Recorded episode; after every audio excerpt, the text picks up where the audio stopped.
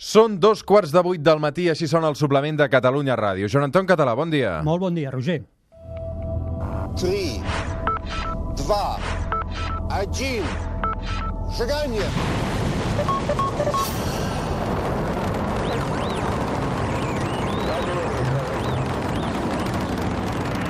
One small step for man, leap for. Joan Anton Català, a veure, comencem forts. Avui a quina hora sortirà el sol? A les 8 i 5 minuts. A les 8 i 5 minuts. Sí, Cada senyor. dia una mica més tard, Una aquests miqueta dies, eh? més tard fins al solstici d'hivern.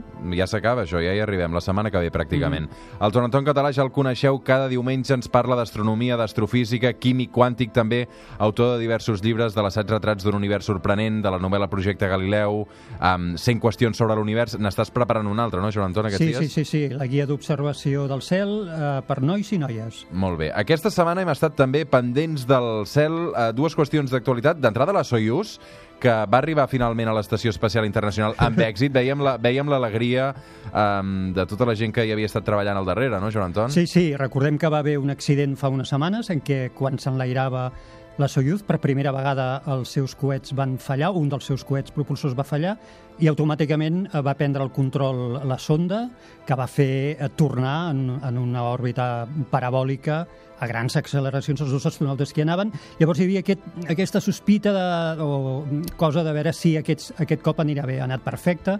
Tres astronautes que han arribat a l'Estació Internacional Espacial, que s'han unit als tres que hi havia, en són sis els que en aquest moment hi va, i la veritat és que la sonda Soyuz ha funcionat perfectament. Què ha de passar a partir d'ara amb aquesta sonda Soyuz, Joan Anton? Uh, bueno, es servirà, seguirà donant servei. Recordem que els Estats Units no tenen en aquest moment cap altra opció, uh, per, sí per posar satèl·lits en òrbita, però no per enviar humans astronautes a l'espai, i utilitzen la Soyuz. La Soyuz té un llarg, uh, una llarga història de servei uh, perfecte, sense apenes fallos, excepte aquest que ara dèiem. Per tant, la Soyuz seguirà funcionant. Però els Estats Units ja estan eh, ràpidament adjudicant contractes a companyies privades per disposar d'opcions eh, pròpies, diríem, d'indústria americana per poder posar eh, l'home cap a l'Estació Internacional Espacial o, sobretot, per poder-lo dur a la Lluna o a Mart sense dependre de les naus russes. La Soyuz, sens dubte, ha estat una de les notícies científiques d'aquestes últimes setmanes. També hem sentit molt a parlar de l'Osiris Rex. Eh, va arribar a l'asteroide Bennu el passat dia 3 de desembre. Va ser molt espectacular, molt espectacular. Uh, no hi va haver imatges en aquell instant, però sí que la NASA retransmetia en directe al centre de control totes les dades que anaven arribant i cada confirmació de cada pas que feia l'Osiris Rex eh, en arribar. S'ha posat al costat d'aquest asteroide, no hi arribarà a aterrar, perquè l'objectiu no és aterrar, però sí recollir mostres, i això ho farà eh, en un braç que porta, una espècie de braç que porta, que recollirà sobre uns dos quilos, si tot va bé de mostres, que seria la quantitat més gran de material de fora de la Terra portat cap aquí, exceptuant el, el, el que van fer les missions Apolo a la Lluna. Uh, lo complicat d'aquesta missió és posar-se al voltant en òrbita d'un objecte tan petit, en tan poca gravetat, venint de l'espai a altíssimes velocitats. Això és el que ha fet l'Osiris Rex i estarà tot un any, l'any que ve, acabant de perfilar aquesta òrbita, mapejant la superfície de l'asteroide i decidint en quin lloc, amb el seu braç, farà una passada, diríem, a baixa alçada per recollir mostres. Mm Doncs tot això pel que fa, evidentment, a l'actualitat amb el Joan Anton Català, sempre us convidem, ja ho sabeu, a mirar cap al cel, eh, ben atents a tot el que hi passi. I, i aquests dies, eh, Joan Anton, eh, atenció a l'espectacle de llum que segurament no hauríem imaginat, els, i vull dir-ho bé, gemínids. Cause you're a sky, cause you're a sky full of stars.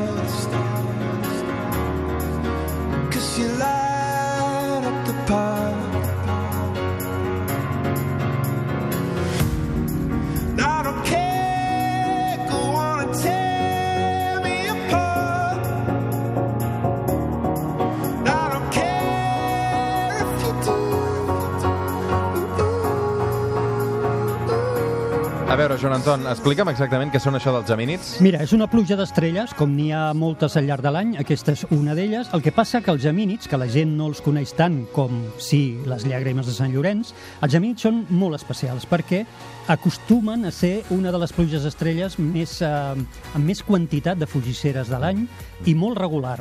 Cada any donen bastant espectacle, sempre i quan, lògicament, no hi hagi núvols i coincideixi que el lloc on estiguis mirant eh, no tingui contaminació lumínica, etc. Per tant, són especials. I sempre es produeixen al voltant d'aquestes dates de desembre? Sí, totes les pluges d'estrelles s'acaben produint més o menys a les mateixes dates, i això és perquè, eh, clar, per, diguem què és una pluja d'estrelles. Una pluja d'estrelles és quan la Terra, eh, en el seu recorregut al llarg del Sol, creua a l'antic pas o a la pas actual d'un cometa o d'un asteroide. Normalment són cometes. Aquests cossos eh, han deixat tot de fragments molt petits, pols, petites roques, etc., a poblada la seva òrbita. De forma que quan la Terra creua aquest pas, impacten tots aquests objectes a l'atmosfera, es tornen incandescents i són les fugisseres que nosaltres veiem. L'exemple més típic que acabo posant per explicar-ho és com si nosaltres anéssim conduint per una autopista a tota velocitat amb el nostre cotxe, que és la Terra, el parabrisa seria la nostra atmosfera i eh, de sobte creuem un núvol d'insectes uh -huh. que ha creuat per allà i tots els insectes veiem com pof, pof, pof, pobrets, Mira que és gràfic aquest exemple, eh? Sí, una mica d'orillo, Sí. es van xafant contra el parabrises, això seria la, not la nostra atmosfera, i els traços de llum que veuríem de tots aquests petits fragments que han anat deixant aquesta òrbita del cometa. Això explica també per què es produeixen sempre més o menys els mateixos dies, que és quan la Terra justament passa per aquestes òrbites dels cometes. Alguns dies de desembre més claus que d'altres? Sí, serà 13 i 14, està previst que siguin al màxim, tot i que calcular el màxim és molt, molt, molt complicat. Des d'on es pot veure bé això? Dius, Barcelona ciutat segurament ho tenim fumut. Oh, fumudíssim. A Sabadell també ho tens bastant malament. Sí, no, la contaminació no jo a és la Sant nostra. Cugat tampoc no ho tinc gaire bé. Doncs va, on anem? Mira, per exemple, a Collserola, hi ha llocs a Collserola que on no hi toqui la llum directa de les ciutats,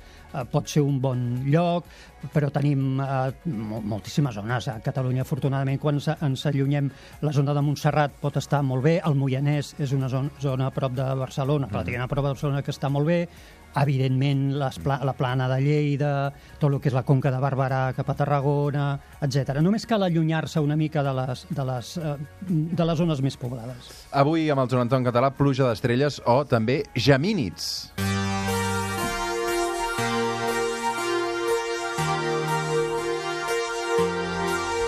Va, parlant d'aquestes uh, pluges d'estrelles, Joan Anton, què és exactament el radiant d'una pluja d'estrelles? Mira, el, en aquest exemple que posava del cotxe circulant per una autopista, clar, tots els insectes impacten en un mateix punt del parabrisa, que és, lògicament, la part del nostre vehicle que va cap endavant.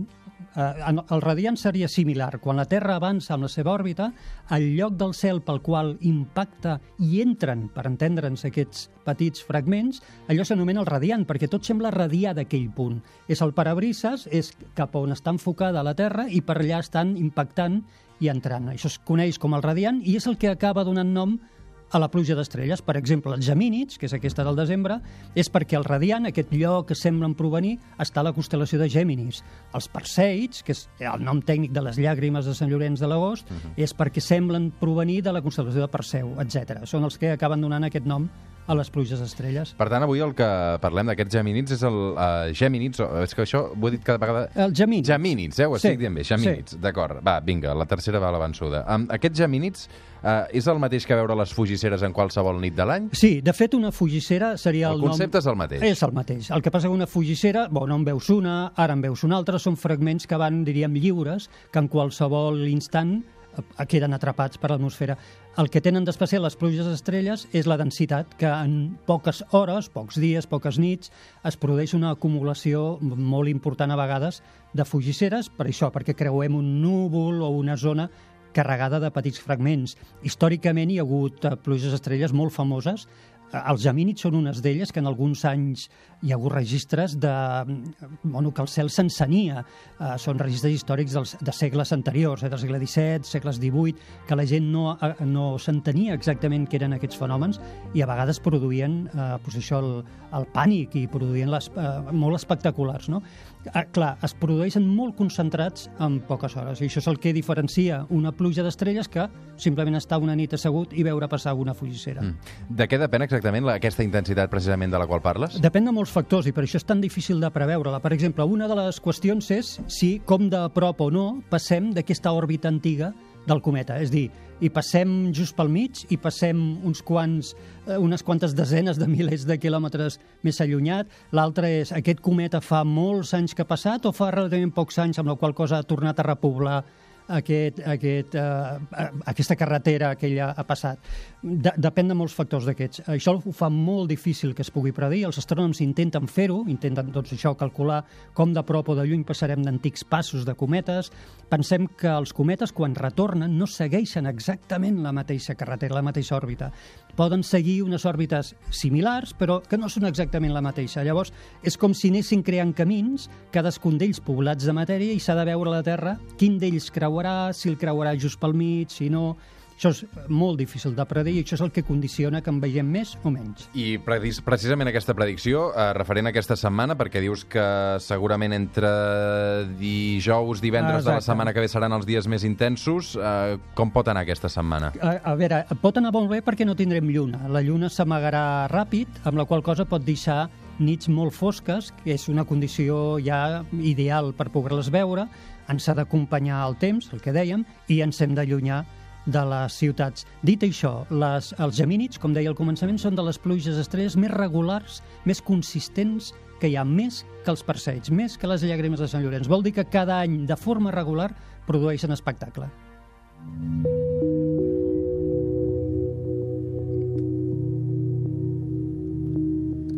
Som al Suplement, som a Catalunya Ràdio. Avui amb el Joan Anton Català estem parlant dels gemínids, aquestes eh, pluges d'estrelles que es produeixen sobretot al voltant del mes de desembre.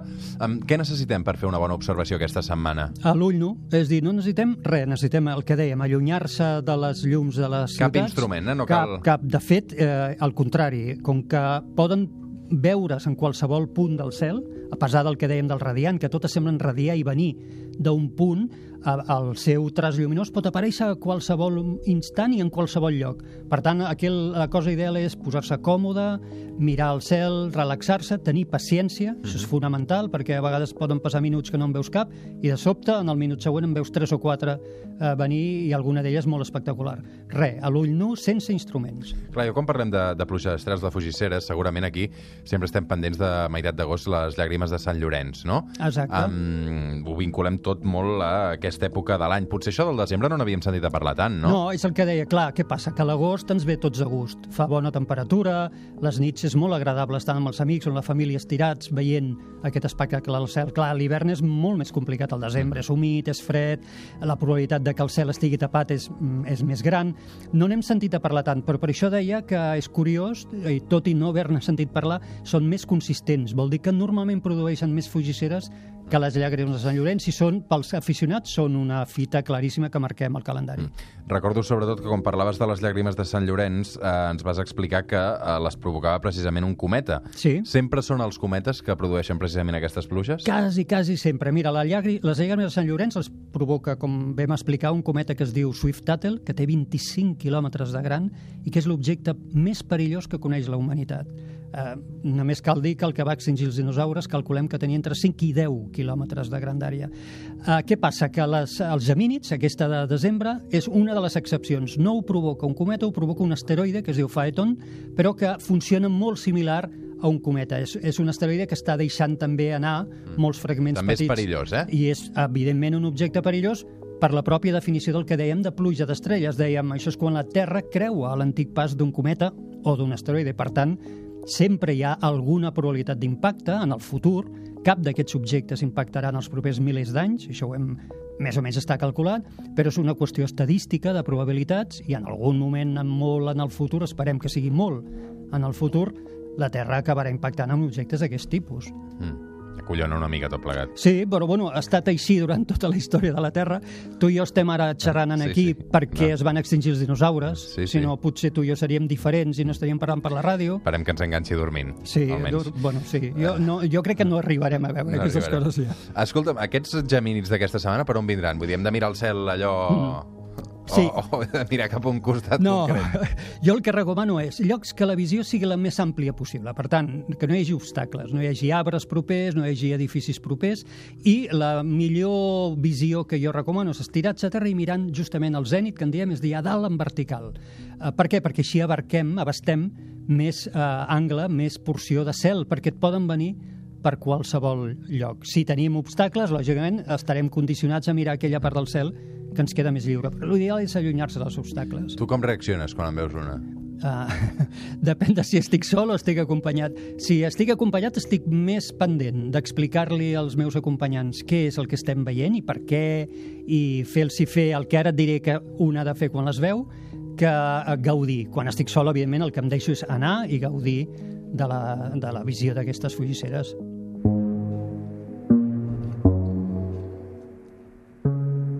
Joan Anton, anem acabant. Um, abans, però, aquesta setmana, a banda d'aquests uh, gemínids, si mirem cap al cel, hi veurem alguna cosa més? Sí, uh, deixa'm abans dir-te Sí. que uh, deia i ara us diré el que heu de fer quan vegeu una fugissera, a part de demanar un desig, que és el que fem tots, jo li recomano a la gent que primer pensi en el que són, en això que dèiem, i després que imaginàriament, quan han vist el tras de llum, que ja ha desaparegut, imaginàriament allarguin aquest tras de llum, això, amb la imaginació, i se'n donaran compte que tots venen del mateix punt del cel, del radiant. I això és un exercici molt fàcil de fer, que ho pot fer tothom. Dit això, què podem veure al cel aquests, aquestes nits matinades? A la matinada seguim tenint Venus, brillantíssim, un objecte espectacular, el podem veure abans de la sortida del Sol i ara està acompanyat per Mercuri, que fa unes setmanes parlàvem de Mercuri i dèiem que era molt difícil de veure, ara és l'oportunitat. Aquests dies està per sota de Venus, també lluint molt, una mica abans de la sortida del Sol. I de nit el que tenim és una gran constel·lació d'hivern, que ja comença a sortir, que és la constel·lació d'Orió. Abans que em diguis que t'és molt difícil de localitzar aquestes coses, Roger, et dic, sortim qualsevol dia i et demostraré com Orió és de les més senzilles de constel·lació de reconèixer. És un caçador mitològic molt bonic, amb un cinturó on hi penja una espasa, molt fàcil de veure, i per sota tenim l'estrella més brillant de tot el cel, que es diu Sirius. És una estrella magnífica, ja et dic, no hi ha cap altre objecte que brilli més que Sirius en el cel. Uh, per cert, uh, hem vist una mica el teu Twitter, arroba estels i planetes, aquesta setmana ets un passat amb les fotos que has passat de, de Venus, eh? Uh, bueno, me les passen a mi. Ah. Sí, jo li demano a la gent, clar, jo animo molt a la gent a fer fotografies del cel perquè considero que és molt, molt bonic i pots enganxar mm. en paisatges xulos, fotos espectaculars. La gent ha anat responent i m'ha anat enviant uh, per Twitter fotografies i jo el que faig és la repiulo amb molt de gust. Mm -hmm. Doncs, Joan Anton, um, continuem convidant a tots els oients que Exacte. citin arroba estels i planetes, no? Correcte. Uh, al Twitter, també arroba el suplement, podeu penjar les fotos del cel. Avui a les 8 i 5 sortirà el sol, ens comencem a senyor. acostar a les 8 i 5. Um, queden poques setmanes de que el dia vagi costant una mica Sí. més que surti el sol Sí. i després començarem a recuperar... Exacte, quan hem, de fet, quan hem Sí, sí començat... d'aquí 4 dies ja serà estiu, català. És, és que passa el temps, ja em diràs. Uh, quan hem començat el programa, segur Sí. que podíem veure Venus i Mercuri. El que passa que no hem sortit a mirar-ho, però el proper dia potser ho hem de fer. Demanaré ajuda. Um, gràcies, Joan Anton. Fem una Gràcies a pausa, arriba la cultura i continuem el suplement. Fins ara.